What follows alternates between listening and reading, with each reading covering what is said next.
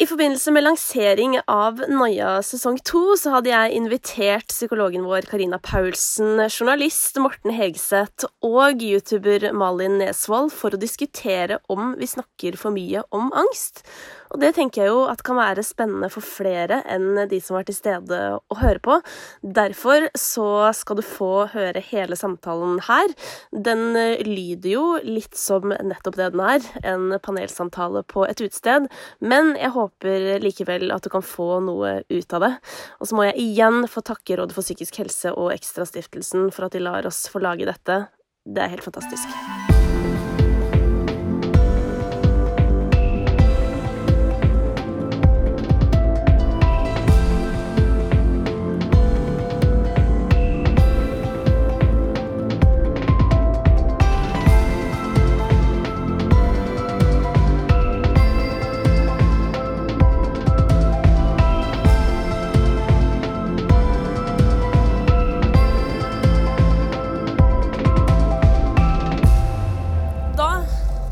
Starte på denne rimelig spennende praten som jeg har sett veldig veldig frem til. Tusen takk for at dere er her. Så mye folk. Ja, ja det er helt vilt. Det er bra du kom i treningstøyet. Ja, jeg skal ta meg litt.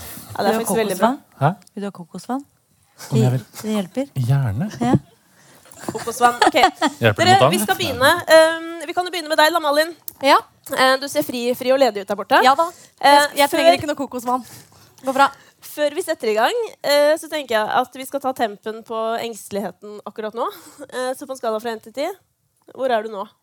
Ja, nå er den ganske rolig til å være meg, så jeg er nede på en treer. Ja. ja, konge. Ja, helt tipp topp. Morten? Gøy at du spør. Ja. Uh, hadde for to timer siden prat med sjefen. Endte i hulkegråt fordi jeg var på bussen for to dager siden da jeg skulle si hvor mye koster en billett? Og så fikk jeg ikke til å si hvor mye koster en billett, for jeg er så stressa om dagen med jobb og dans og mye greier. Så den er ganske dårlig, altså. Egentlig. Men hva var skalaen, sa du? 1 til 10. Rimelig enkel. Og nummer ti er Det er at du er veldig engstelig. Men etter at jeg gråt og fortalte om det, så falt det ned på én. Okay. Tre. Ja. ja. Men i stad, for to timer siden, tolv og en halv. Ja. Uh, psykologen Karina hun er veldig opptatt av at hun er ikke bare psykolog, hun er også medmenneske. Derfor må du også svare på dette i dag. Ja, ja det er, er det lyd. Ja. Um, fint. Jeg vet ikke. Nei. To. to. Lite. Ja. Så da er det jeg som leder det nivået, men jeg kan si at det er eh, kraftig på vei nedover. Fra en kanskje åtter eh, for to timer siden til fire nå. Ja. Det er bra. Så det er veldig, veldig bra. Um, dere, Angst uh, er jo noe vi snakker veldig mye om. Ikke bare på, om, uh, på, den måten vi gjør nå, men sånn på generell basis. Litt sånn 'Herregud, jeg fikk helt panikk når jeg måtte uh, hente noe i dag'. Um, og det er jo en veldig vanlig følelse. Men siden vi har en psykolog her i dag, så tenker jeg at vi kan begynne med at du oppklarer for oss hva som er forskjellen på Eh, jeg har litt angst i dag, på en måte, og diagnosen. Når blir angsten en diagnose? Så er det sånn da, med alt det som har med det psykiske å gjøre, at det er litt mer ullent enn veldig mange andre ting eh, i dette livet. Men i det øyeblikket det hindrer deg å leve sånn som du ønsker, at det kommer i veien for deg, at symptomene blir for sterke, eller at tankene blir for vanskelig å stå i, Um, at det blir for tungt eller for krevende eller for slitsomt eller er til hinder. vil jeg si, At man kan begynne å snakke om en diagnose. Og så er det noe med varighet. At det har vart over en lengre periode enn noen få dager eller timer. Ja. ja. Um, dette er jo også en type angst, altså diagnosen, som vi har begynt å snakke enda mer om i offentligheten. Gjennom f.eks. Noia. Uh, Morten, hva tenker mm. du om det? Veldig sånn dobbelt på det. fordi jeg var jo 19 og et halvt eller jeg var 20 da jeg først fikk mitt første panikkangstavfall på og Martins i Trondheim. Og så plutselig var det sånn Boff! Så føltes det som om hodet mitt dro derifra tilbake dit, og så gikk hjertet vrrr,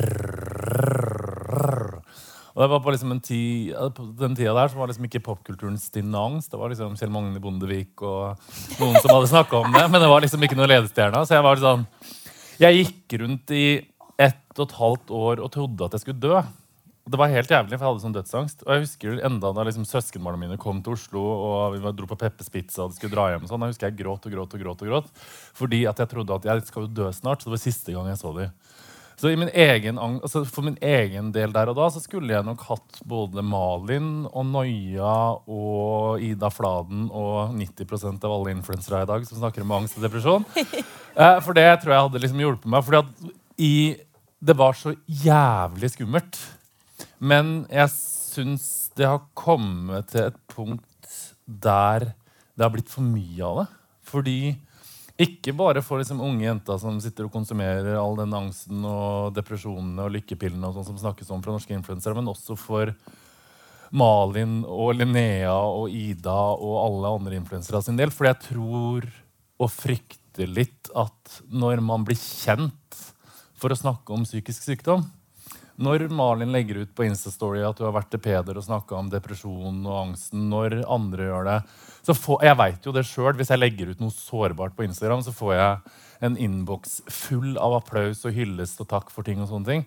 Og jeg tror kanskje at den hyllesten og applausen og det at alle liksom heier på deg i angsten og depresjonen, kanskje er litt forsterkende, og at det ikke nødvendigvis gjør at du automatisk gjør noen ting for å gå ut av det, men at det blir en del av din personmerkevare utad. Og at det også da kan bli vanskeligere å bli kvitt det. For angst og depresjon er jo ikke noe du skal ha.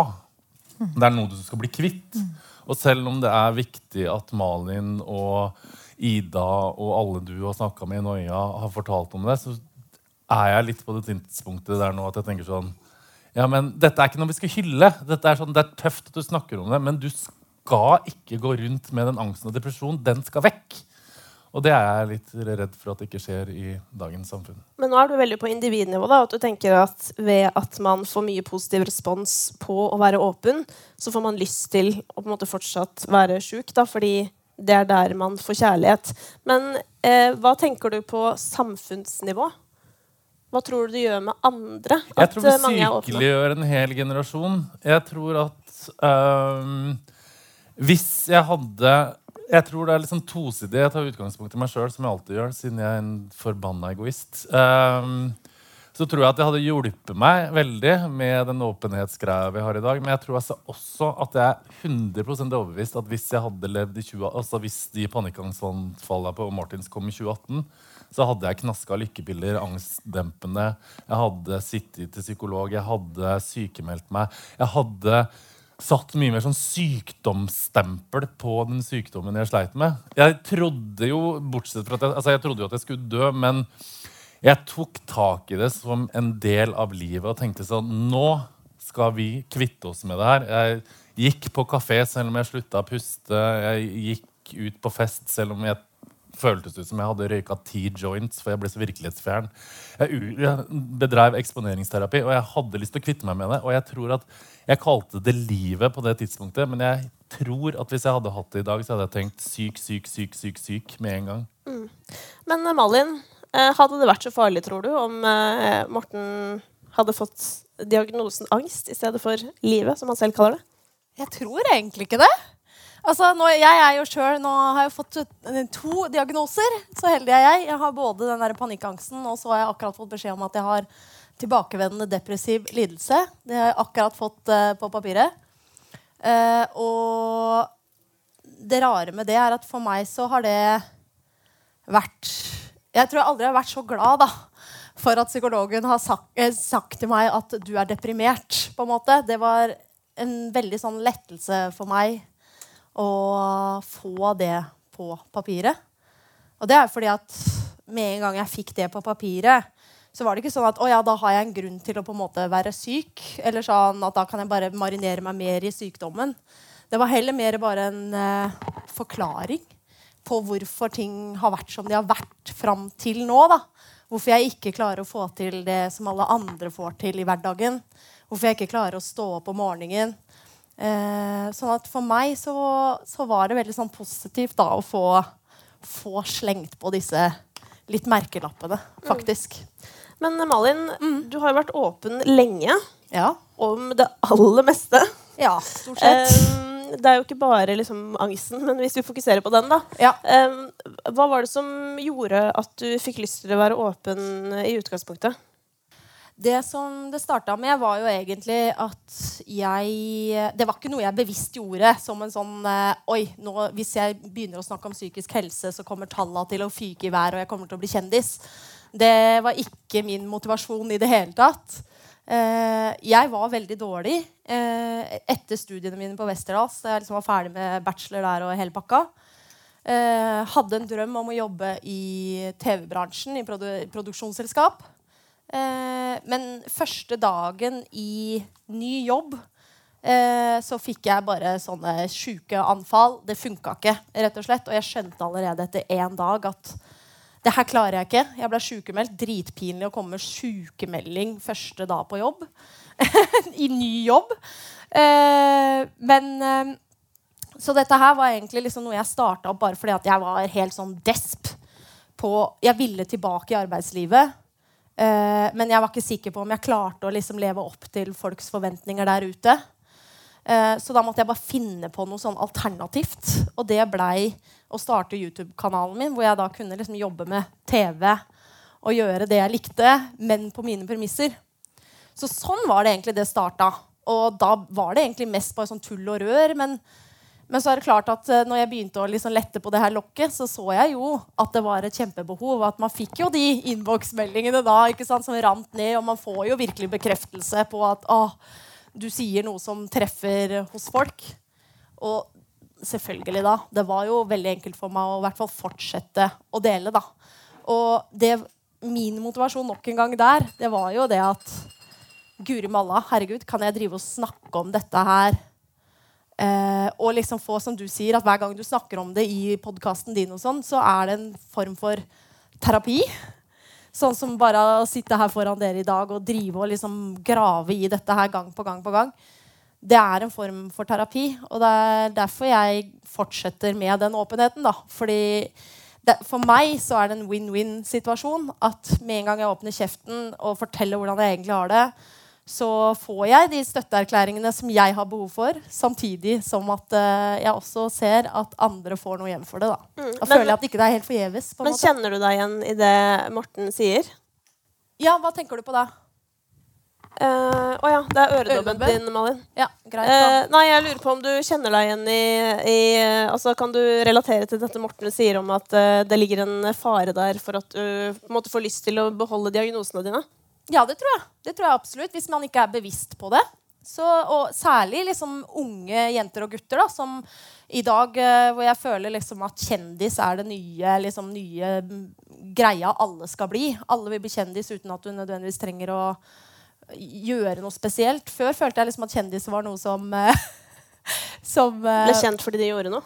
ja, fordi Skikkelig bra. Ja, for eksempel. Mens nå er det på en måte sånn, nå kan du også bli kjendis hvis du er psykisk syk. da. Så det er helt klart at eh, noen eh, hvis, hvis man er ung og kanskje litt uerfaren, kanskje ikke ser jeg vet ikke, jeg ser på seg selv litt sånn utenifra, så tipper jeg at det kan være ganske fort gjort ja, å bli sugd med i godord og bare kjøre på med legge ut et angstinnlegg i dag òg, liksom. Så Ja. får jeg noen likes, vel. Ja. Ja. Morten? Jeg, jeg, jeg må bare si det. For ikke, liksom, det er så usympatisk å være liksom så skeptisk til sånn som en 32 år gammel mann som sitter og sier sånn Unge jenter kan ikke sitte og snakke om depresjon. Jeg veit at det høres forferdelig ut, og jeg syns at Malin og andre folk som snakker om psykiske lidelser, er mye viktigere forbilder, kjendiser, folk enn hva de kjendisene jeg hadde når jeg var like ung, som var Aylar og Lene Alexandra og alt annet drit.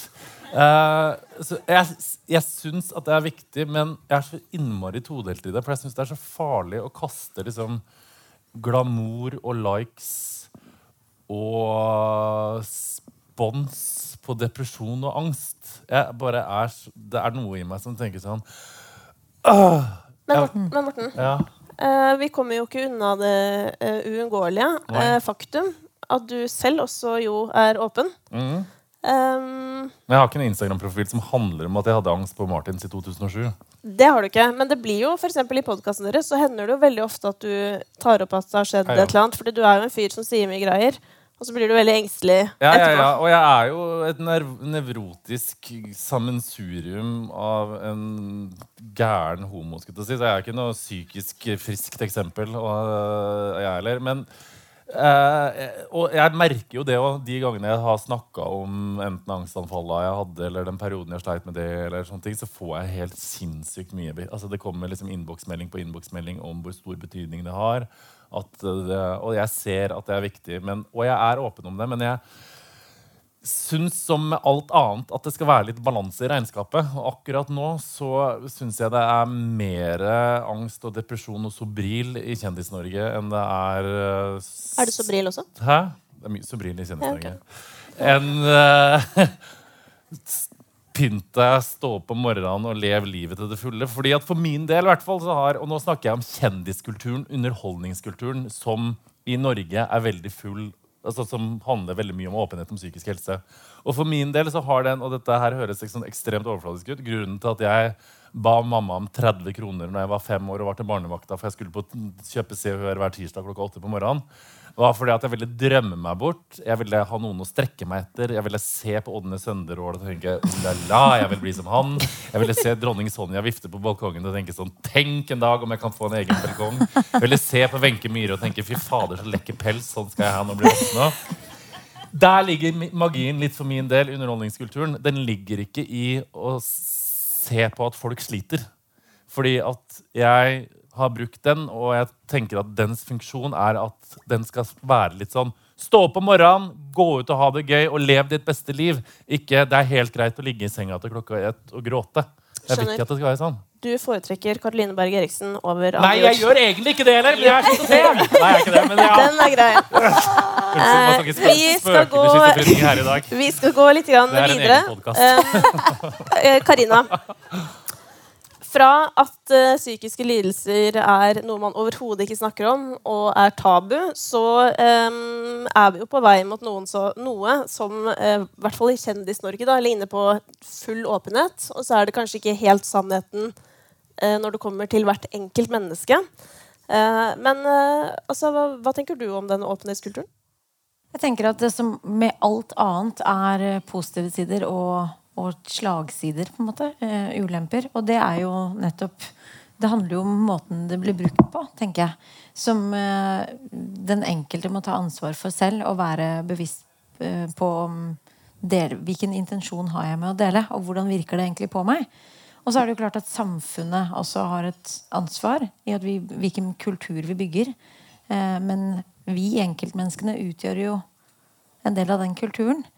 Så det, det positive er jo forhåpentligvis at de som i dag vokser opp og opplever angst og depresjon, um, for eksempel, eller andre typer psykiske lidelser, lettere finner vei i det.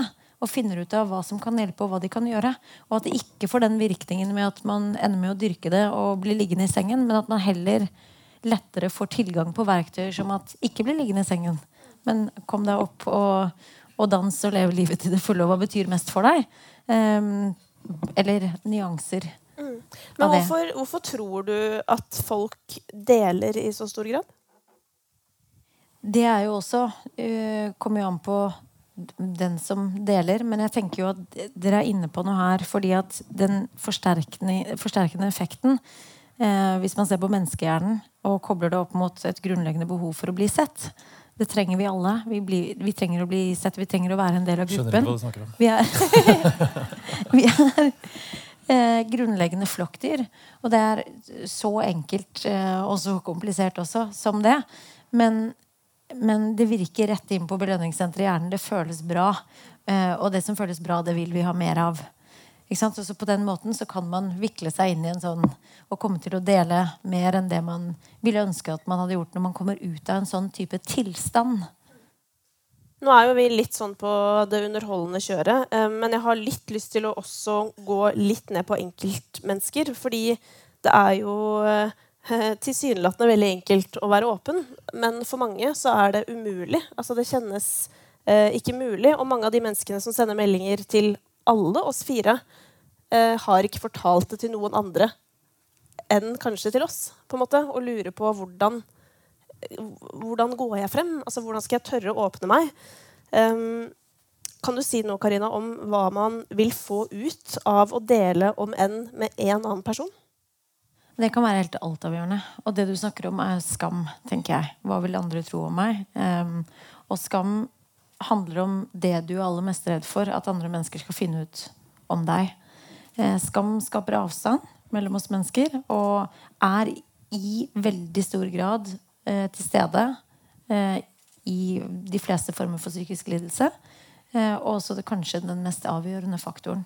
For det gjør at vi skjuler, og det skaper avstand. Og det vi trenger, det er å bli akseptert og sett og godtatt og anerkjent for akkurat den vi er. Ikke på tross av, men på grunn av. Eh, også de sidene som vi er aller minst, minst eh, tilfreds med selv. Mm. Skam er noe vi alle har. Den tåler ikke lyset. Så det er litt som en ballong som tas hull på. Eh, men jeg er så innmari opptatt av at eh, du skal velge hvem du deler med. Hvem som møter deg på en måte som gjør at du føler deg sett og respektert. Og velge den ene eller de få vi trenger ikke så innmari mange. Og det er også en annen del av vår kultur. At alle har så mange venner og alle har så mange følgere og alle gjør så mye gøy hele tiden. Men det er ikke nødvendigvis det vi trenger. Vi trenger kanskje den ene eller de to nære, gode relasjonene. Og velge de som fortjener den gaven det er å bli invitert inn i ditt innerste rom. Mm. Morten, jeg blir nysgjerrig. Du som eh, er den som ser ut som lever livet mest av oss uh, om dagen. Uh, du har jo en uh, veldig um, energisk eh, Instagram-profil for tiden. Det er mye greier som skjer her nå. Ja. Poster hver dag. Eh, hva, hva, er det også sannheten? Er det det fulle bildet? Akkurat nå så er egentlig det fulle bildet Det er liksom ikke noe annet enn eh, rømba og cha-cha-cha, silkeskjorte og spraytan. Uh, men det er jo også gråting foran sjefen å glemme å snakke til bussjåføren på bussen og kjenne at jeg holder på å bli gæren, for jeg er så stressa. Så det er jo, og det har jeg ikke lagt ut på Instagram. Det kunne jeg sikkert ha gjort. Men for min del så føles ikke det så veldig naturlig. Men det, sånne ting deler jeg i podkasten min. Da. Så det kommer jeg sikkert til å snakke med Vegard om i morgen. når jeg glemte å snakke om eh, bussjåføren på bussen at jeg grein foran Martin. og sånn. Så jeg er, jeg er, ikke imot åpenhet. Da. Og du vet jo, du, jeg, du har snakka om det her før. Jeg er jo så sinnssykt delt på det her. Det er liksom veldig sånn to, to tanker i hodet samtidig. Men Nei, jeg visste ikke hele sannheten på min Instagram-profil om dagen. Men er, nå er det mye happy go lucky, fordi åtte timers dansetrening om dagen løser ut noen hormoner i hjernen som gjør deg lykkeligere enn vanlig. Og det, det, går greit å leve på toast og selvbruning og silkeskjorte. Og jeg har det veldig bra. Eh, men jeg veit jo med meg sjøl den dagen Altså, jeg, når det er jul, for eksempel, så er det sånn 1. januar så er jo, må jeg nesten legge meg inn på psykiatrisk, for jeg får sånn postproduksjonsdepresjon. Er jula ferdig? Herregud! Nei, nyttår! Så når det her er ferdig, så kommer det til å gå rett hjem. Og jeg er en sånn person som bøsser litt. Gang, eh, altså, bzz, og så når ting er ferdig, så wow, rett ned. Jeg har hatt angst for at jeg er bipolar, men jeg er ikke det. Så. Eh, for jeg har vært sånn Men jeg, jeg, går veldig opp og ned. Og det, jeg er ikke noe redd for å dele det. Men, ja. Fordi eh, Grunnen til at jeg spør, er jo det at eh, Kan vi bare Er det sånn at uh, vi alle er enige om at åpenhet på uh, privatplan er veldig positivt? Ja. ja. Altså den ene? Ja. Yep. Og jeg må bare si det at den gangen jeg Og jeg skulle hatt Malin når jeg var hadde angst, virkelig. Fordi når jeg sleit på mitt verste og jeg husker at, For jeg bodde i Bodø. Nå blir jo deprimert av mindre enn å flytte dit. Uh, og jeg husker jeg lå på kveldstid og bare ja, så hvite prikker og tenkte jeg blir gæren, jeg blir gæren, og reiste hjem til mamma. Jeg husker enda når jeg gikk ned i kjelleren til mamma der, og mamma lå på og jeg, jeg liksom, ja, alt er bra. Og jeg hadde så innmari sånn, jeg klarte ikke å vise mamma at jeg hadde det dårlig, så jeg husker at jeg lå i kjelleren og slo meg i hodet og sa kan du ikke bare slutte? Og så kom mamma, og så går det fint. ja. Og jeg lå sånn Åh! Og jeg hadde en sånn sperre, for jeg turte ikke å si til mamma at jeg sleit. For det var et eller annet med sånn Jeg veit ikke hvorfor, men det var et eller annet med sånn Jeg, orf, jeg trodde kanskje mamma ville sykeliggjøre meg mye mer enn hva det var. Jeg, kanskje mamma skjønte at jeg skulle dø om en måned, som jeg trodde jeg skulle gjøre. Den, det å holde den sykdommen inni kroppen, det var virkelig ikke bra for min del. Og takk gud, for det gikk over etter halvannet år. Men jeg husker så innmari godt den skammen og den frykten for å si noen ting høyt. Og jeg skulle hatt forbilder som Malin og som andre som hadde faktisk lært meg at du er ikke helt fuckings gæren selv om Det føles sånn akkurat da. sånn ut. Ja. Fordi det er jo det, altså det er jo en ting jeg brenner veldig for, og det er jo liksom det der at man skal kunne vise hele seg. Um, og på mange måter så føler jeg jo at gjennom i hvert fall det, altså de livene dere lever, da, at man blir nesten altså Det er nesten litt sånn lagt opp til at man er en person. Eh, og så kan man på en måte ikke være noe annet. Og det har vært veldig vanskelig for meg, fordi jeg har jo sjukt mange forskjellige interesser. Eh, og det er merkelig, for det er sånn jeg begynte å gå på tur. For øvrig fantastisk for min mentale helse.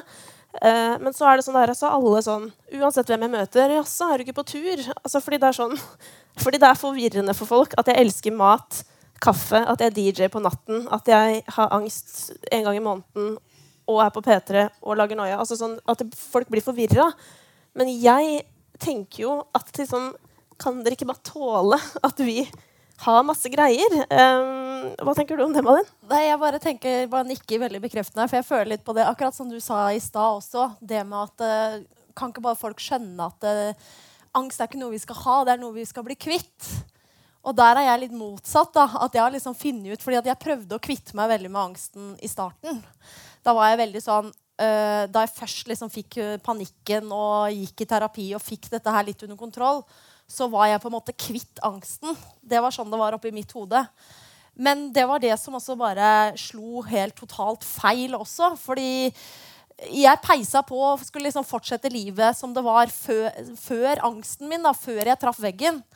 Eh, og brått så var jo den angsten der og panikken der på nytt. Og da blei jeg så jævlig forbanna og var helt sånn Hæ? Jeg er jo kvitt angst, liksom. At du kan jo ikke få det på nytt. Nå har jo jeg jobba meg gjennom dette, og jeg følte at det var liksom som en sånn influensa som er borte, og nå, nå får du ikke det noe mer, på en måte. Eller sånn, nå, nå er det borte. Og det er det jeg jobber litt med. da, Å si at, at man kan liksom være sammensatt. Man kan ha den angsten og plutselig ha panikk en dag. Men så kan man også plutselig være på tur, og så er du på P3 og får til liksom de tinga. At jeg tenker heller at jeg vil vise folk at det går an å liksom leve med det, den angsten. fordi den, den, vil jo alltid være der. Det er ikke noe du blir kvitt. liksom. Det der kampfluktsenter og alt det som sitter oppi hjernen min. Det er ikke liksom noe å ta vekk. Jeg må heller bare prøve å finne en måte å leve med det på. da. Det er det jeg savner litt da, i den der influenser- og bransjeverden som vi er en del av at nesten alle eh, de, de, tar det kanskje ikke underveis. De kommer helt sånn 'Jeg kom styrka ut av det på denne siden. Nå skal jeg fortelle hele historien hvordan jeg klarte det.' Og det er jo bare én individuell historie, og det føler jeg på en måte at det å komme med en sånn oppskrift på hvordan folk skal klare å komme seg ut av angsten, er liksom ikke helt Jeg er ikke så fan av det heller, da. Da syns jeg det, jeg blir i hvert fall mer Jeg vet ikke, jeg føler meg mindre alene i mitt, da når folk deler underveis. Og klart igjen, der er det jo noen sånne øh, Det er jo skummelt å dele underveis. Det er jo litt det jeg selv gjør. Og jeg veit da faen. jeg, Foreløpig har det ikke klypet meg i ræva, men hvem vet? Plutselig da så kan det jo hende at det gjør det. Men har det hendt at du har postet en uh, Insta-story, og så ser du på den dagen etter, og så du, har du det kanskje litt bedre, og så er du sånn Guriland, hva gjør jeg? Nei, Nei. det har foreløpig ikke skjedd. Så foreløpig så har jeg liksom kunnet bare Alt som har blitt uh, deisa ut der, har liksom hatt en verdi for min egen del. Ja. Morten, kjør. Jeg veit ikke om det er egentlig er noe eh, relevans å si, men da jeg ble sammen med han jeg er sammen med nå jeg er jo, jeg, Dere har jo hørt om min psykiske historie. Det var første høsten husker jeg vi var sammen. Så var det november. Han er sånn ordentlig økonom med kontroll på livet sitt.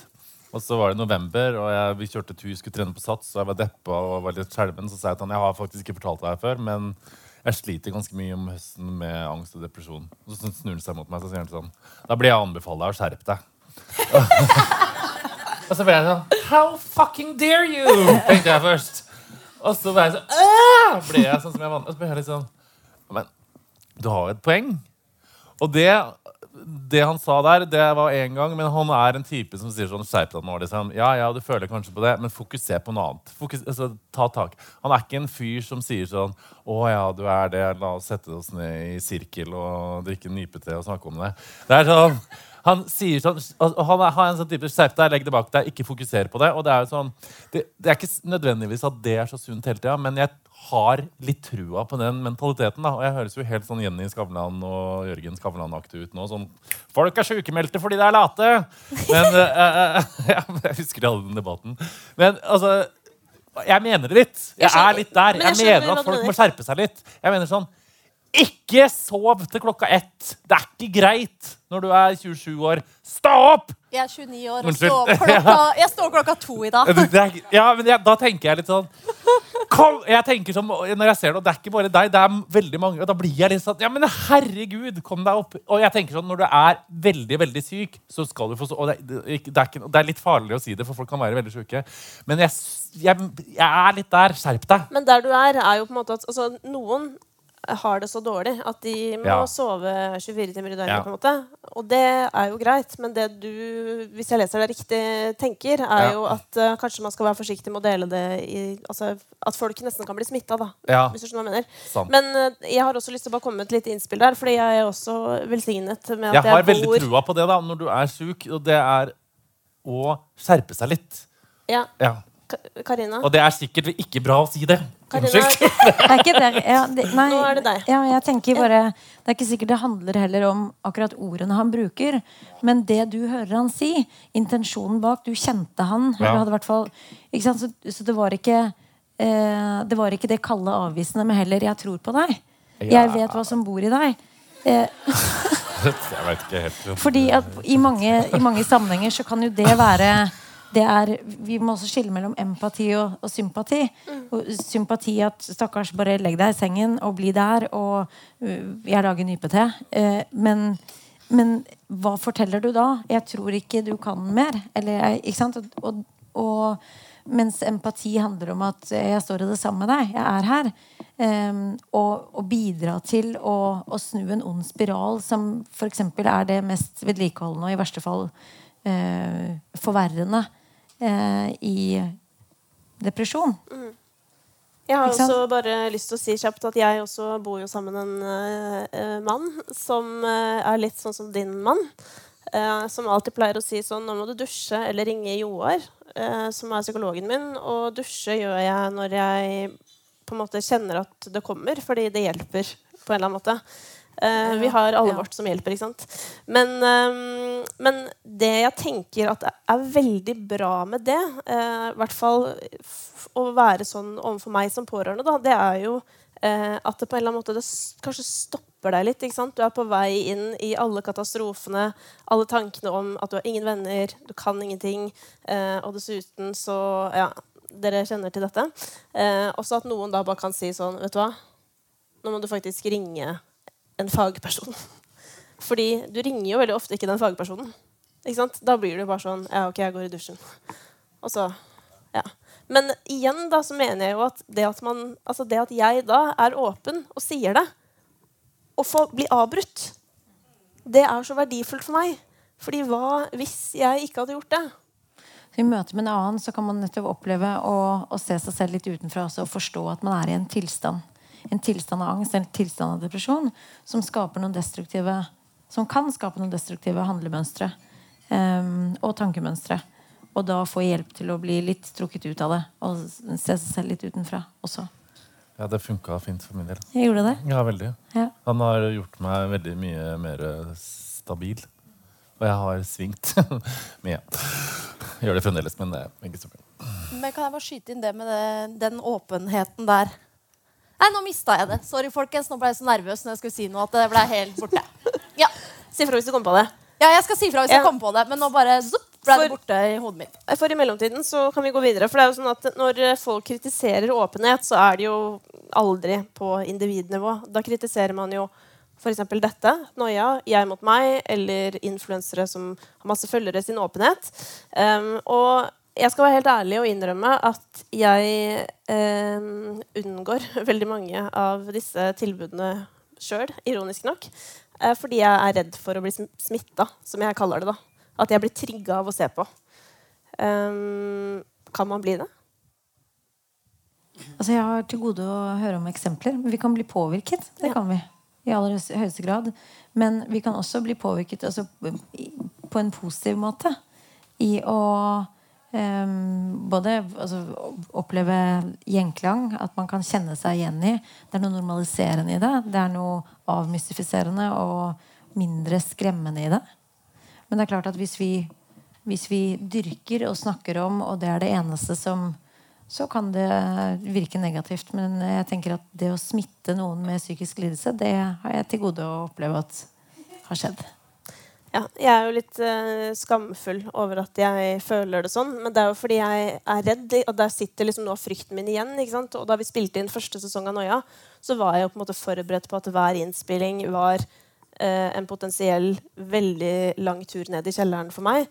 Men det er jo som du sier, at opplevelsene mine stemmer jo ikke overens med frykten min. For de har jo vært helt annerledes. Jeg tror og- jeg heller vi skal kalle det en katastrofetanke. ja, som hun, hun stempler tankene mine. Eh, det er jo bra. Men, eh, og da tenker jeg bare til alle dere som aldri har kjent på angst, og plutselig gjør det, og da den følelsen av at noen sitter der og har hatt det på akkurat samme måte som deg, det er rimelig mind-blowing, altså. På en positiv måte. Morten? Nei, ja, samme tanke. Første gang jeg hørte om sånn Hæ, er det angst? Jeg blir ikke gæren og skal dø. Det var jo det beste noen, noen kunne ha sagt til meg. Uh, men jeg har det på samme måte som deg. Jeg husker jeg leste Beate Grimsrud, 'En dåre fri', som er en veldig fin roman om en jente som finner ut at hun er schizofren. Og Jeg elska den boka, men jeg måtte legge fra meg den på side 87. For jeg begynte å tenke sånn Hører jeg noen som sier 'hei, jeg heter Torstein' i bakgrunnen der? 'Hei, du er egentlig Eva'. Jeg ble sånn. Og jeg hadde det samme Noia òg. Jeg, likte- jeg har jo sagt det før, jeg likte første sesong veldig godt og lærte masse av deg. Jeg syns du er helt fantastisk til å forklare ting. Virkelig. Og du satte ting i perspektiv for meg som jeg ikke skjønte fra den perioden jeg sleit. Men jeg måtte òg Trykk på pause. trykke pause, og nå klarer jeg ikke mer, for jeg var redd for at det skulle liksom sende meg rett tilbake til 2009 og, og Martins. Ja, det prøver vi å unngå ja. etter beste evne. Ja, det kan skje. Eh, Altså. det skal jo også, ikke? Fordi det er jo, det, det er jo mange måter å være åpen på. Og sånn, um, sånn vi har jobba, så har jo altså gjestene De beste folka, liksom, Uh, deler jo historiene sine. Men fra den historien så går vi jo alltid på en måte i ganske sånn Hva kan man gjøre? Og hva har du gjort? Hva har hjulpet deg? Og er liksom fremtiden lys? Og det er den jo alltid, ikke sant? Eh, Stort sett. Um, men uh, jeg lurer jo på, fordi jeg har jo um, uh, Ikke for å skryte, men jeg har en bachelor i psykologi. Oi! Uh, litt applaus, eller? Um, ja, jeg, jeg bare pleier å bruke det som et eksempel, fordi når du har studert og lest masse Det er riktignok en stund siden, men så får du liksom et eh, panikkanfall. Og så eh, når du ser tilbake på det, så er det sånn her, det er det mest åpenbare ever. Det er sånn tikker alle symptomboksene. Men likevel så tror jeg altså at jeg muligens har blitt gravid. Um, og da tenker jeg jo at liksom sånn, da er det jo noe jeg ikke har lært et eller annet sted på veien. Uh, hvorfor visste jeg ikke at det var det det var? liksom? Og uh, da tenker jeg jo at for meg så er det ganske åpenbart at det er for lite kunnskap om dette i samfunnet. Og for oss som eh, vel alle her er for gamle til å få oppleve faget livsmestring. Hva skal vi gjøre da, Morten? Men nå er det jo ikke for lite kunnskap. Gud bedre. Så du mener at de siste to årene har redda Norge? Jeg syns de to årene har skjedd ganske mye. Jeg syns jo du skal være ganske stolt over at du har lagd Noia, som ofte er en god håndbok i hvordan man skal takle psykiske utfordringer, og som er veldig en bra informasjonskampanje rundt det. Takk. Og jeg syns jo det har skjedd sinnssykt mye de to siste åra.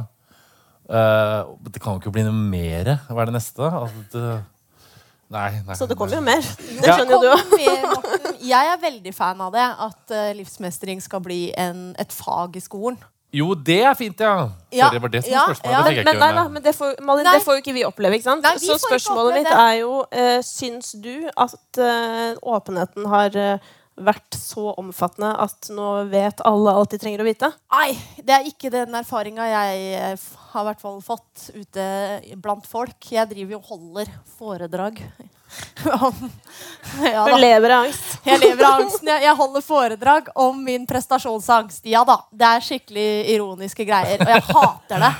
Fordi det er helt forferdelig. altså. Jeg gruer meg og angrer meg hver eneste gang. Men så gjør jeg det, holder det, og så kommer liksom eh, tilbakemeldingene etterpå. Og da, da når jeg snakker med liksom alle de her unge og voksne, og all, det er virkelig alle aldre som kommer der, og jeg synes liksom fremdeles at folk er veldig sånne store spørsmålstegn da, når det kommer til sin egen mentale helse. Så vet de fremdeles veldig lite. De kan vite fryktelig mye om sin egen kropp, og særlig når det kommer til trening og anarob og aerob og jeg veit ikke hva de kan om sin egen kropp. Men veldig lite av hva som egentlig foregår oppi her, da. Det skulle jeg veldig, veldig ønske, i hvert fall sjæl. Eh, da jeg var ung, så skulle jeg bare så så ønske at i naturfagene eller et eller annet at vi lærte bare lite grann noen holdepunkter om vår egen syke, hvordan den fungerer. Eh, jeg skulle gjerne likt å visst liksom Og det er ikke for at jeg skal drive og gå rundt og lete etter tegnet til angst, men bare hvis jeg hadde visst hva det, hva det gikk i, så er jeg ganske sikker på at jeg ikke hadde gått på veggen den gangen på Westerdals. Fordi sånn sett tilbake så har jo egentlig kroppen liksom skriket til meg i hvert fall et år der, hvor den virkelig har sagt ifra sagt ifra at nå er det nok, nå er det greit, nå orker jeg ikke mer. Men jeg ante ikke hva det var. Jeg bare, Hvorfor griner jeg så mye? Nei, det er sikkert bare jeg som tuller og rører. Hvorfor skjelver jeg så ofte? Hvorfor er jeg så mye kvalm? Hva er greia, liksom? Hadde jeg visst de tinga, hadde jeg lært liksom noe av dette på skolen, så tror jeg i hvert fall jeg hadde gått og, oppsøkt og turt. Da, for det er den skammen igjen. Da hadde jeg turt. Og i hvert fall bedt om hjelp. Fordi For meg så satt det fryktelig langt inne. Legen ga meg jo et sånt kort da jeg liksom fikk beskjed om å ta det litt med ro da, på, i studiene og ha fire uker liksom, studiepause for å komme meg til hektene igjen. Så husker jeg han ga meg et sånt kort. Eh, Han sa det ikke helt sånn, og sånn jeg opplevde det. At han sa litt sånn OK, Malin, hvis alt går skikkelig til helvete, så ringer du det nummeret her. Og jeg bare yes, la det greit i baklomma og tenkte skal jeg aldri ringe. Eh, men det var jo det jeg til slutt blei nødt til å, Gjøre. å gjøre, da. Akuttpsykiatrisk team, som det sto så fint på den lappen. Men eh, ja, jeg tror liksom kanskje at mye kunne vært unngått. Jeg hadde ikke trengt å, jeg hadde ikke trengt å eh, liksom, tøye den strikken så langt. Hvis jeg kjente til min egen syke. Hvis jeg visste hva det gikk i. For jeg, jeg har aldri lært noe om huet mitt. Jeg. Jeg må bare si det òg, at jeg er jo ekstremt selvsentrert. skulle jeg si. Eller sånn, når du spurte nå, så tenkte jeg sånn popkulturen først og fremst. Men jeg er veldig for inn med psykisk helse, inn med, øh, inn med kunnskap og informasjon i barneskole, ungdomsskole, videregående, barnehage for den del. Politikere må peise på med penger, med tiltak for å forbedre det her. Altså jeg, sånn sett tenker jeg at det aldri kan bli nok. Men bare ikke noe flere Så sover til klokka to. jo, men ikke noe flere TV-programmer på TV3 om å være trist. Det orker jeg ikke. Eh, Karina, em, jeg blir nysgjerrig, da, fordi nå snakker jo vi om lettere psykiske lidelser. Det er jo viktig å si. Om eh, angst og, og på en måte den ofte medfølgende depresjonen som man kan få. Um, Eller hva, som kommer av seg selv, altså Ja, som utenom ja. angsten. mm, Mm. hva, tenker du at, hva tenker du at folk trenger å vite? Altså, hva er det viktigste at vi liksom får formidlet? Nå fikk jeg mange svar. Ja, det skjønner Men, jeg. Det var det største men- spørsmålet i nei kveld. da, Nei da. Nei da. Um, jeg tenker at vi trenger å vite helt grunnleggende uh, hva er en tanke. En tanke er ikke fakta. Vi trenger å vite um, og kanskje om vanlige tankefeil. Typiske tankefeil som vi alle har. Vi trenger å vite hva grunnfølelser er, og hvilken funksjon det egentlig har, så vi ikke blir redde for dem. noen sånne grunnleggende faktorer om hvordan vi mennesker virker på hverandre osv.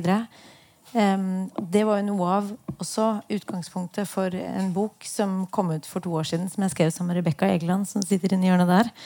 Som handler om å, å akkurat det vi selv har opplevd at har manglet.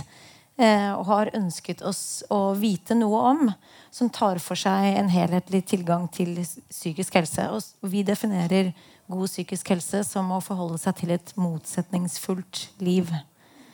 Og da er det noen sånne knagger som går på tanker og følelser, og som ikke er komplisert på noen måte i det hele tatt. Og det tenker jeg er mangelvare i skolen eh, og på veldig mange andre arenaer mm. i livet. Også i arbeidslivet. Men jeg blir jo nysgjerrig, da, fordi hvis vi um, skal Hvis kjendiser da skal snakke mindre om angst, for å ta det um, Og hvis da folk um, sliter med liksom å navigere Fordi jeg skal ikke ljuge, liksom, at når jeg fikk mitt første panikkanfall og følte at jeg ikke kjente meg igjen i noen, så var det to mennesker som gjorde at jeg gikk fra å tro at nå dør jeg, til at kanskje jeg ikke gjør det likevel. Og det var jo Maria Mena og Agnete som var med i MGP på det tidspunktet. Eh, jeg vet ikke om dere husker det, men hun var jo veldig engstelig da. Og så eh, Hun er fortsatt forbildet mitt eh, fordi hun dro ned dit, og hun sang sangen 'Icebreaker'. og så gjorde hun ikke intervjuer eller noe sånn. Og hun syns ikke det er noe smooth å bli intervjuet. Og bare det, liksom. At en det er litt irriterende for en journalist ja, som var nede for å dekke juleavisen. Men... Nei, Agnete vil ikke bli intervjua. Nei! Jeg reiste til Düsseldorf for å skrive rapport. Ja, Det var bra at du fikk øye på det også. Men uh, tingen er jo at det å gå liksom på en måte foran Og jo gikk hun kanskje litt ufrivillig foran, men å vise at sånn Jeg brenner for musikken, og jeg har lyst til å stå på den scenen og jeg har lyst til å synge den sangen men det er en del ting som følger med her, som jeg ikke har lyst til å gjøre, og som ikke gjør noe bra for meg. da. Det var for meg sånn Oi, shit. Er det lov å sette grenser? Kan man si nei til ting? liksom? Jeg ble megainspirert. da. Jeg syns det var dødsviktig. Så spørsmålet mitt, Morten, eh, er jo Det er jo åpenbart at disse kjendisene gjør at veldig mange føler seg mer normale. Deriblant meg. Eh, hva skjer hvis det ikke er der lenger? Jeg mener jo ikke på total utryddelse av kjendiser med angst i, uh, utad. Altså, det er ikke der jeg har lagt linja. Men uh, Og jeg, det du sier, er veldig viktig, og det tror jeg på. Men jeg, jeg tror jo da noen har nok Vil nok inspirere Alltid vil noen inspirere noen, uansett hva de snakker om. Noen vil synes det er irriterende, andre vil føle seg inspirert. Men jeg syns at Jeg er mer bekymra for frykten for å gjøre en hel generasjon som kanskje kommer i kontakt med livet og følelsene sine, at vi sykeliggjør det å ikke være lykkelig, enn det at Jeg syns det er veldig viktig at folk finner inspirasjon i ting, men min hovedbekymring er at vi sykeliggjør det å ikke være lykkelig.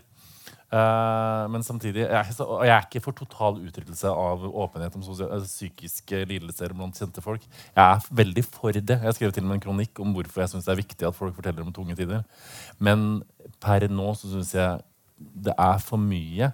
Og jeg veit ikke om det er sunt verken for den som prater åpent om det, eller for alle som eksponeres for det hele tiden. Jeg tror ikke at jeg hadde blitt friskere av å snakke om hvor vanskelig jeg hadde det på Instagram My Story, enn å snakke med en psykolog og prøve å bekjempe sykdommen. Men det er jo lett for meg å sitte og si. Men, det er Karina, ikke sikkert det er sant. Eh, nå kom jo Morten inn på det der med hva gjør det med den som er åpen. Eh, og vi snakka litt om det at man fort kan bli fanga i den syke rollen. Eh, er det noe annet man bør være obs på hvis man liksom vurderer å dele offentlig enten på jobben eller på Facebook, eller? Jeg tenker det, det er lurt å tenke gjennom hvilken intensjon man har, og om det er noe man gjør for seg selv. Og så lenge det er noe man gjør for seg selv, og, og står inne for det og har det godt med det, og også tenker over gjør jeg det nå, hvilken tilstand er jeg i nå, eh, og hva vil jeg eventuelt tenke om dette i en annen tilstand, uten at man skal gå som perfeksjonistisk til verks og være veldig opptatt av hvordan man fremstår osv. For vi er alle mangefasetterte og Eh, vi lever et liv. Eh, men, men å, å, tenke seg om en gang eller to kan for de fleste kanskje virke positivt, da. Mm. Og så er, ikke, så er, det ikke, enten-eller, det er nyanser i det, og, eh, og så videre. Men det er noe som skjer med oss når vi, oss mennesker generelt, når vi er i en tilstand av angst eller depresjon, vi tenker på en annen måte. Eh, følelsene våre er annerledes, og derav tilstanden. Og da er vi tilbøyelige også til å handle på en annen måte enn det vi ville gjort ellers. Og det er verdt å, å tenke over, tenker jeg. Men dere, sett at det nå kommer syv nye sesonger av Hos Peder. eh, jeg mot meg for eh, alle ja, For alle jordas eh, diagnoser og eh, 300 nye influensere som blir kjendiser fordi de har angst. Flytter jeg til Sverige? Eh, Hva eh, eh, Malin, Ja. hva tenker du at det kan gjøre på et større nivå, altså med samfunnet? En gang Hvis det bare blir helt sinnssykt mye mer snakk om angst. Nei, altså det, jeg tror eh, det, det er på godt og vondt, det. For noen eh, så kommer det Jeg er nysgjerrig på på vondt. På vondt? Mm. Ja, altså Den åpenheten, det vonde med den åpenheten, tror jeg Det er jo litt som eh, Karina sier òg, at hvis man er i en tilstand av angst og ikke helt kanskje tenker klart at man skal gjøre noe, eller legger ut noe som man kanskje angrer seg på etterpå. Men igjen, altså, hvis vi har lært da, litt om denne angsten, da, si at vi lærte dette på skolen, kunne litt om det, så er det jo mer sannsynlig også at man kan ta de rette vurderingene om hva man skal være åpen og dele om. da. For da kan man jo kjenne etter er jeg i angsttilstand nå, eller hva. Da vet man jo hva det er. For hvis man ikke snakker om det, hvordan skal du vite at du er i en tilstand av angst da? Men hva tenker du om altså, samfunnet vi lever i? Ikke sant? Morten er bekymra for at uh, vi skal få en hel haug, altså flere nye generasjoner som uh, Jeg tenker jo uansett at i det samfunnet vi lever i nå, hvor det er såpass høyt press fra alle bauger og kanter, så er jo vår psykiske eller mentale helse også på en måte i skuddlinja om dagen, føler jeg.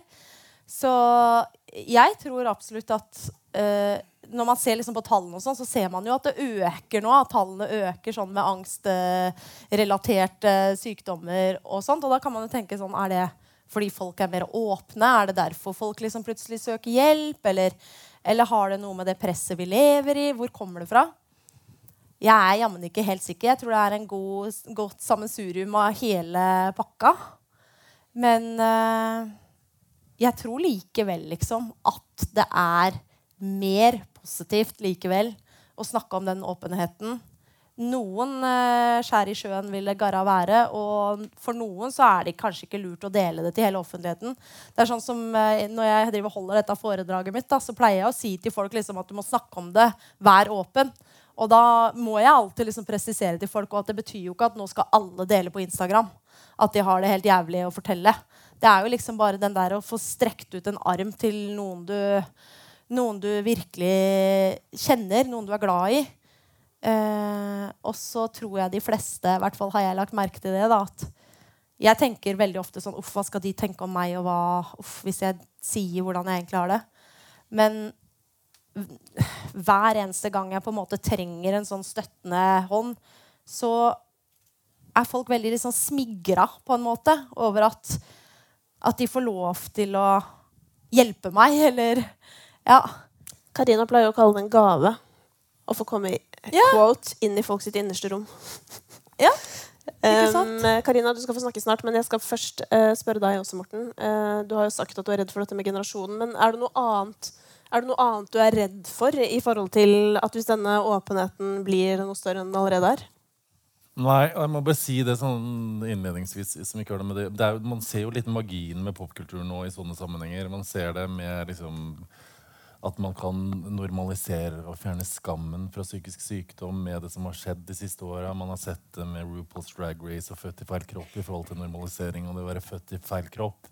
Man har sett det med metoo-bølgen med det at det ikke er greit av menn å behandle damer som dritt.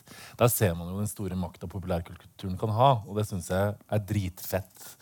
Eh, men jeg er jo som sagt bekymra for at det kan bli for mye. Og jeg er først og fremst bekymra for med den massive åpenheten at vi sykeliggjør det å ikke ha det bra hele tida. At med en gang man ikke har det bra, så skal man være psykisk syk. Og jeg skal love deg at dette er liksom selv om det ikke altså, Jeg tror vi kaster glamour over det. Jeg var på en skole for lenge et halvt år siden på en ungdomsskole i Trøndelag og snakka om det å være homo. Da jeg fortalte om det å være homo som å være født være Guds enebårne sønn. Og jeg kjente hun som var lærer der, og da kom det to jenter etterpå og fortalte læreren sin at de var lesbiske, og at de hadde lyst til å fortelle klassen sine eh, på fredag. To uker etterpå de likte gutter likevel. det, har noe, det var bare for å sette et eksempel at de sånn Jeg er lesbisk fordi at Morten sa at det var kult. Og så var de egentlig ikke det. Fordi at det var et eller annet De syntes at de var kule, og så tenkte jeg han er homo, og da blir jeg homo. på et eller annet vis Ikke at jeg skal sammenligne det å være homo med å være psykisk syk, som jeg har hørt at jeg akkurat gjorde. Eh, det er litt det samme, da. Neida. Men det er et eller annet med at uh, kjente folk, og folk som har et ansikt og et navn, og folk som ser opp til deg, de har Man etterstreber deres personlige egenskaper litt. Det gjør man uansett. Enten det er midja til fotballfrue, gløden til Tone, nervene til Malin, latteren til Ida altså, Jeg tror vi etterstreber eh, personlige egenskaper blant kjentfolk. og ser vi opp til uansett. Så jeg tror at uh, Ja, jeg er bekymra for alt det her. Ja. Det var et dårlig svar. Det var masse. Det var utydelig. Men, Var det eh, utydelig? Nei, men det var, det var mye, da. Det var mye. Ja. Og man vil jo ha et, et konkret svar. Det, Men Karina skal få lov å følge deg opp litt. du, Fordi at um, Morten er jo inne på dette her med hvor du alltid nikker veldig, for nå har han sagt det to ganger. At vi ikke må sykeliggjøre det å ikke være lykkelige. Hva er forskjellen på å ha liksom dårlige perioder og å være psykisk syk? På det tidspunktet hvor det varer lenge, eh, og det påvirker deg i så stor grad at du blir forhindret til å leve livet ditt, at, du, at det går utover evnen din til å fungere normalt i hverdagen, f.eks. Komme seg opp om morgenen og, eh, og, og leve et normalt liv med alt det det innebærer, så tenker jeg at vi kan bevege oss i retning av det. Og så er det også sånn at vi alle kan kjenne oss igjen i veldig mange typer tanker og følelser. Og det er litt et kontinuum. da. Når det blir veldig mye av noe, og over for lang tid, så kan vi snakke om at det er sykdom. Eh, Er samfunnet sykt? Har vi snakka for mye om angst over for lang tid? Nei, det er ikke opp til meg å vurdere for det. Men jeg tenker at det kanskje representerer også en naturlig motpol da, til det som har vært veldig skambelagt, veldig eh, dempet lenge. Og så, og så kommer åpenheten som en naturlig motpol, og så er det kanskje en motstandsbevegelse mot det igjen. Og at, at den dynamikken er, den vil alltid være der. Og at det også skaper en form for sunnhet i et samfunn. da. Og det kan være plass til begge deler. Men det er jo lite som er verre dere enn å snakke om eh, ting man ikke skal snakke om. Eh, fordi det er utrolig frustrerende å være på sånn eh, evaluering, så er alle misfornøyd, men ingen har forslag til hvordan det kan bli bedre. Eh, så derfor så skal vi selvfølgelig avslutte denne praten eh, med å eh, prøve å eh, definere liksom hva som er en fin måte å snakke åpent om angst på. Eh, har du noen tanker om det, Karina? Det er én ting jeg har lyst til å si, hvert fall, som, som jeg tenker er viktig, og har, dere har så vidt vært inne på det, det at det går an å leve. Eh, og leve meningsfullt. Det går an å jobbe, det går an å være sosial, det går an å gjøre det man liker aller best. Gå på tur, eller hva det enn er. Selv om man har angst, eller selv om man er deprimert. At det ikke er ensbetydende med at man ikke kan gjøre noe av det. Og det tenker jeg også er veldig veldig viktig. Og de fins det mange av. Det fins mange som er ytterst velfungerende, men som i store deler av tiden er i en tilstand av angst eller depresjon. Eh, Så ikke det blir enten-eller eller sort-hvitt. Det tenker jeg er viktig. Hva tenker du, Morten? Jeg tenker at Uh, man liksom Man snakker om bloggpoliti, og man snakker om uh, Sunn fornuft-plakaten. Og der snakker man om at man ikke skal gi råd der man ikke Når du ikke er ernæringsfysiolog, så ikke gi råd om mat. Når du ikke er uh, det ene, så ikke gi råd om det. Jeg tror ikke at man skal gi veldig mye råd om psykisk sykdom så lenge man ikke er utdanna Jeg tror man må passe seg litt, og jeg tror at man må snakke om det. Men jeg tenker alt med måtehold, ikke for mye. Og jeg skal ikke si sånn onsdag er det greit, men ikke på fredag. Men uh, jeg bare tenker sånn at man må på en måte ikke ramle opp i sin egen gryte av ting som ikke er bra. For jeg tror og er nesten overbevist om det at så lenge du liksom møljer for lenge oppi der og får for mye bekreftelse rundt ting som ikke er bra, så vil det være selvforsterkende. Jeg tror ikke at det, jeg tror ikke at det kommer til å gjøre deg friskere eller bedre på noe som helst vis. Malin? Ja, jeg bare tenker på det du sier. At uh, det, det har jeg egentlig ikke noe svar på sjøl heller, siden jeg er midt i det. Kanskje blir jeg sjukere, kanskje blir jeg bedre av å drive og snakke om det her. Nå har jeg jo tross alt fått en ny diagnose. Hvem vet? Har den kommet etter at jeg har drevet med Instagram og fortalt? Jeg tror egentlig ikke det. Jeg tror egentlig ikke det. Men eh, ja. Jeg hadde ikke noe godt svar på det. Nei, du er veld, men du er jo veldig flink på det, Malin. Og du er jo Jeg tror at for de unge som er ute der og sliter, og ser at du med den latteren din og det livet ditt klarer å fungere selv om du har to diagnoser på slep, det tror jeg er dritbra for folk. Ja da. Men ja. jeg, og jeg er skeptisk til fenomenet, ikke til folka. Bare så det er sagt. Og jeg, te jeg tenker også sånn som du sier, at det er nok viktig, og det er i hvert fall selv jeg bevisst på, men det det er nok mange som ikke er bevisst på det, i og med at det er ganske mange unge som også har disse verktøyene og kan på en måte bare dele det ut der. Eh, men det å være bevisst på det man deler, hvordan man presenterer det, og, og ikke på en måte tar den rollen som en sånn profesjonell fagperson, men at jeg bare liksom er veldig tydelig på at dette er meg, og dette er sånn det fungerer for meg. Men ja, passe på å ikke egentlig gi noen sånne spesifikke råd at hvis du gjør sånn, så får du mindre angst, eller sover du så så eller sånn. Det, det har jeg ikke helt troa på. Men jeg har fortsatt troa på at det å snakke om det, det å dele av sitt liv, at det er på en måte et sammensatt liv med både oppturer og nedturer, det tror jeg har en positiv ja, en god hensikt da, eller en positiv uh, utvikling. Hva tror dere? En hånd i været, alle som tenker at uh, åpenhet uh, er mest bra. Jeg tenker egentlig det, altså. Jeg òg er ganske på det. Rimelig 50-50 på om åpenhet er mest bra. Ja, jeg uh, syns definitivt åpenhet er mest bra. Eh, men vi har jo diskutert dette veldig mye i arbeidet med Noia. Hvor går liksom grensa? Eh, hva, hvor skal fokuset ligge? Skal jeg spørre om deg om en ting? Ja.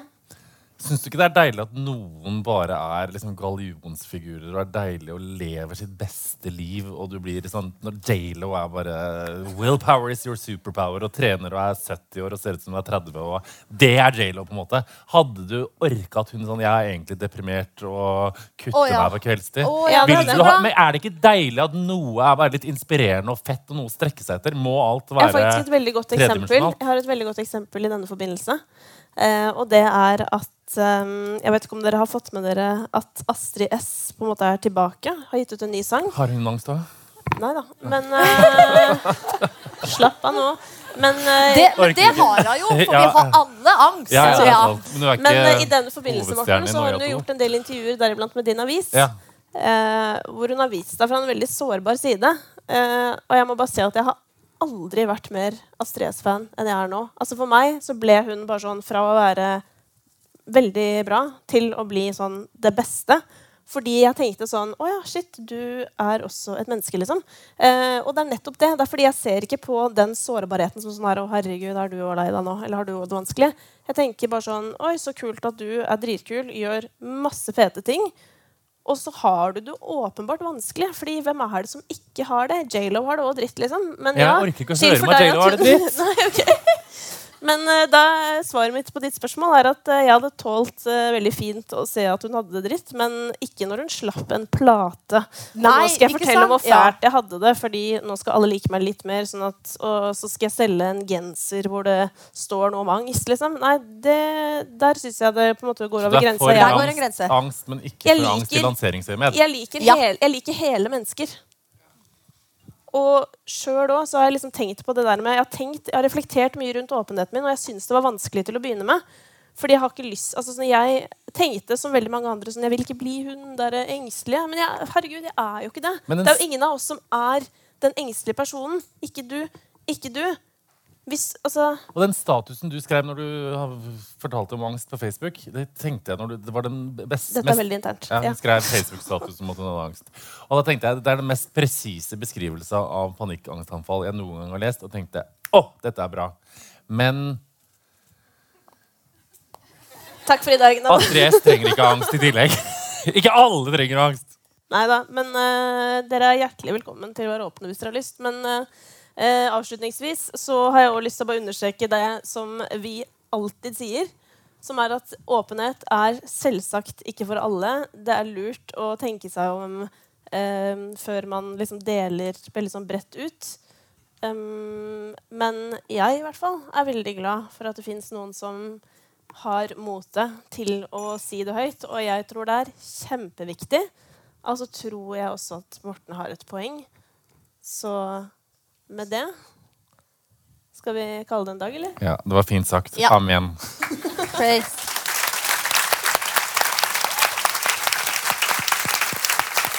Og gratulerer med Snøya 2. Ja, gratulerer. Dere, Tusen hjertelig takk for at dere kom eh, hit eh, i dag. Jeg håper dere har lyst til å høre Stemme enda mer om angst. Um, Men jeg har bare lyst til å si en liten kort ting. Fordi det er jo liksom det her med at det er mange som sender oss meldinger og er redd for å bli trigga eh, av å høre på. Og jeg har lyst i det lengste, selv om dette er individuelt, i å bare si at Uh, vi går liksom virkelig for en sånn tilnærming som skal opplyse, og som skal gi deg kraft, liksom. Eh, heller enn at du skal føle deg nede etter du har hørt. Så jeg håper det er det dere føler når dere hører. Og føl dere megafri til å ta kontakt med oss, eh, sende tilbakemeldinger. Og ikke minst sende forslag til ting vi kan snakke om. fordi denne gangen så er vi, ikke, vi er fortsatt ikke ferdig. Vi lager det underveis. Um, og vi kommer også til å publisere to episoder i uka, sånn at dere har mulighet til å stille spørsmål til Karina som vi spiller inn ukentlig. Så de tar vi liksom underveis. Og så håper vi at det også kan være et sånn ekstra godt tilskudd. Og bare for å understreke, det er ikke terapi. Eh, det er ikke hos Karina eller meg eller hos Noia. Men det er egentlig bare fordi etter man har hørt, så kan man sitte igjen med mange spørsmål eh, som man følte at ikke ble besvart. Og det har vi lyst til å få muligheten til å oppklare underveis. Yes, Malin Nesvold, Morten Hegseth, Karina Paulsen. Kristine Danke! Kristine Ha det!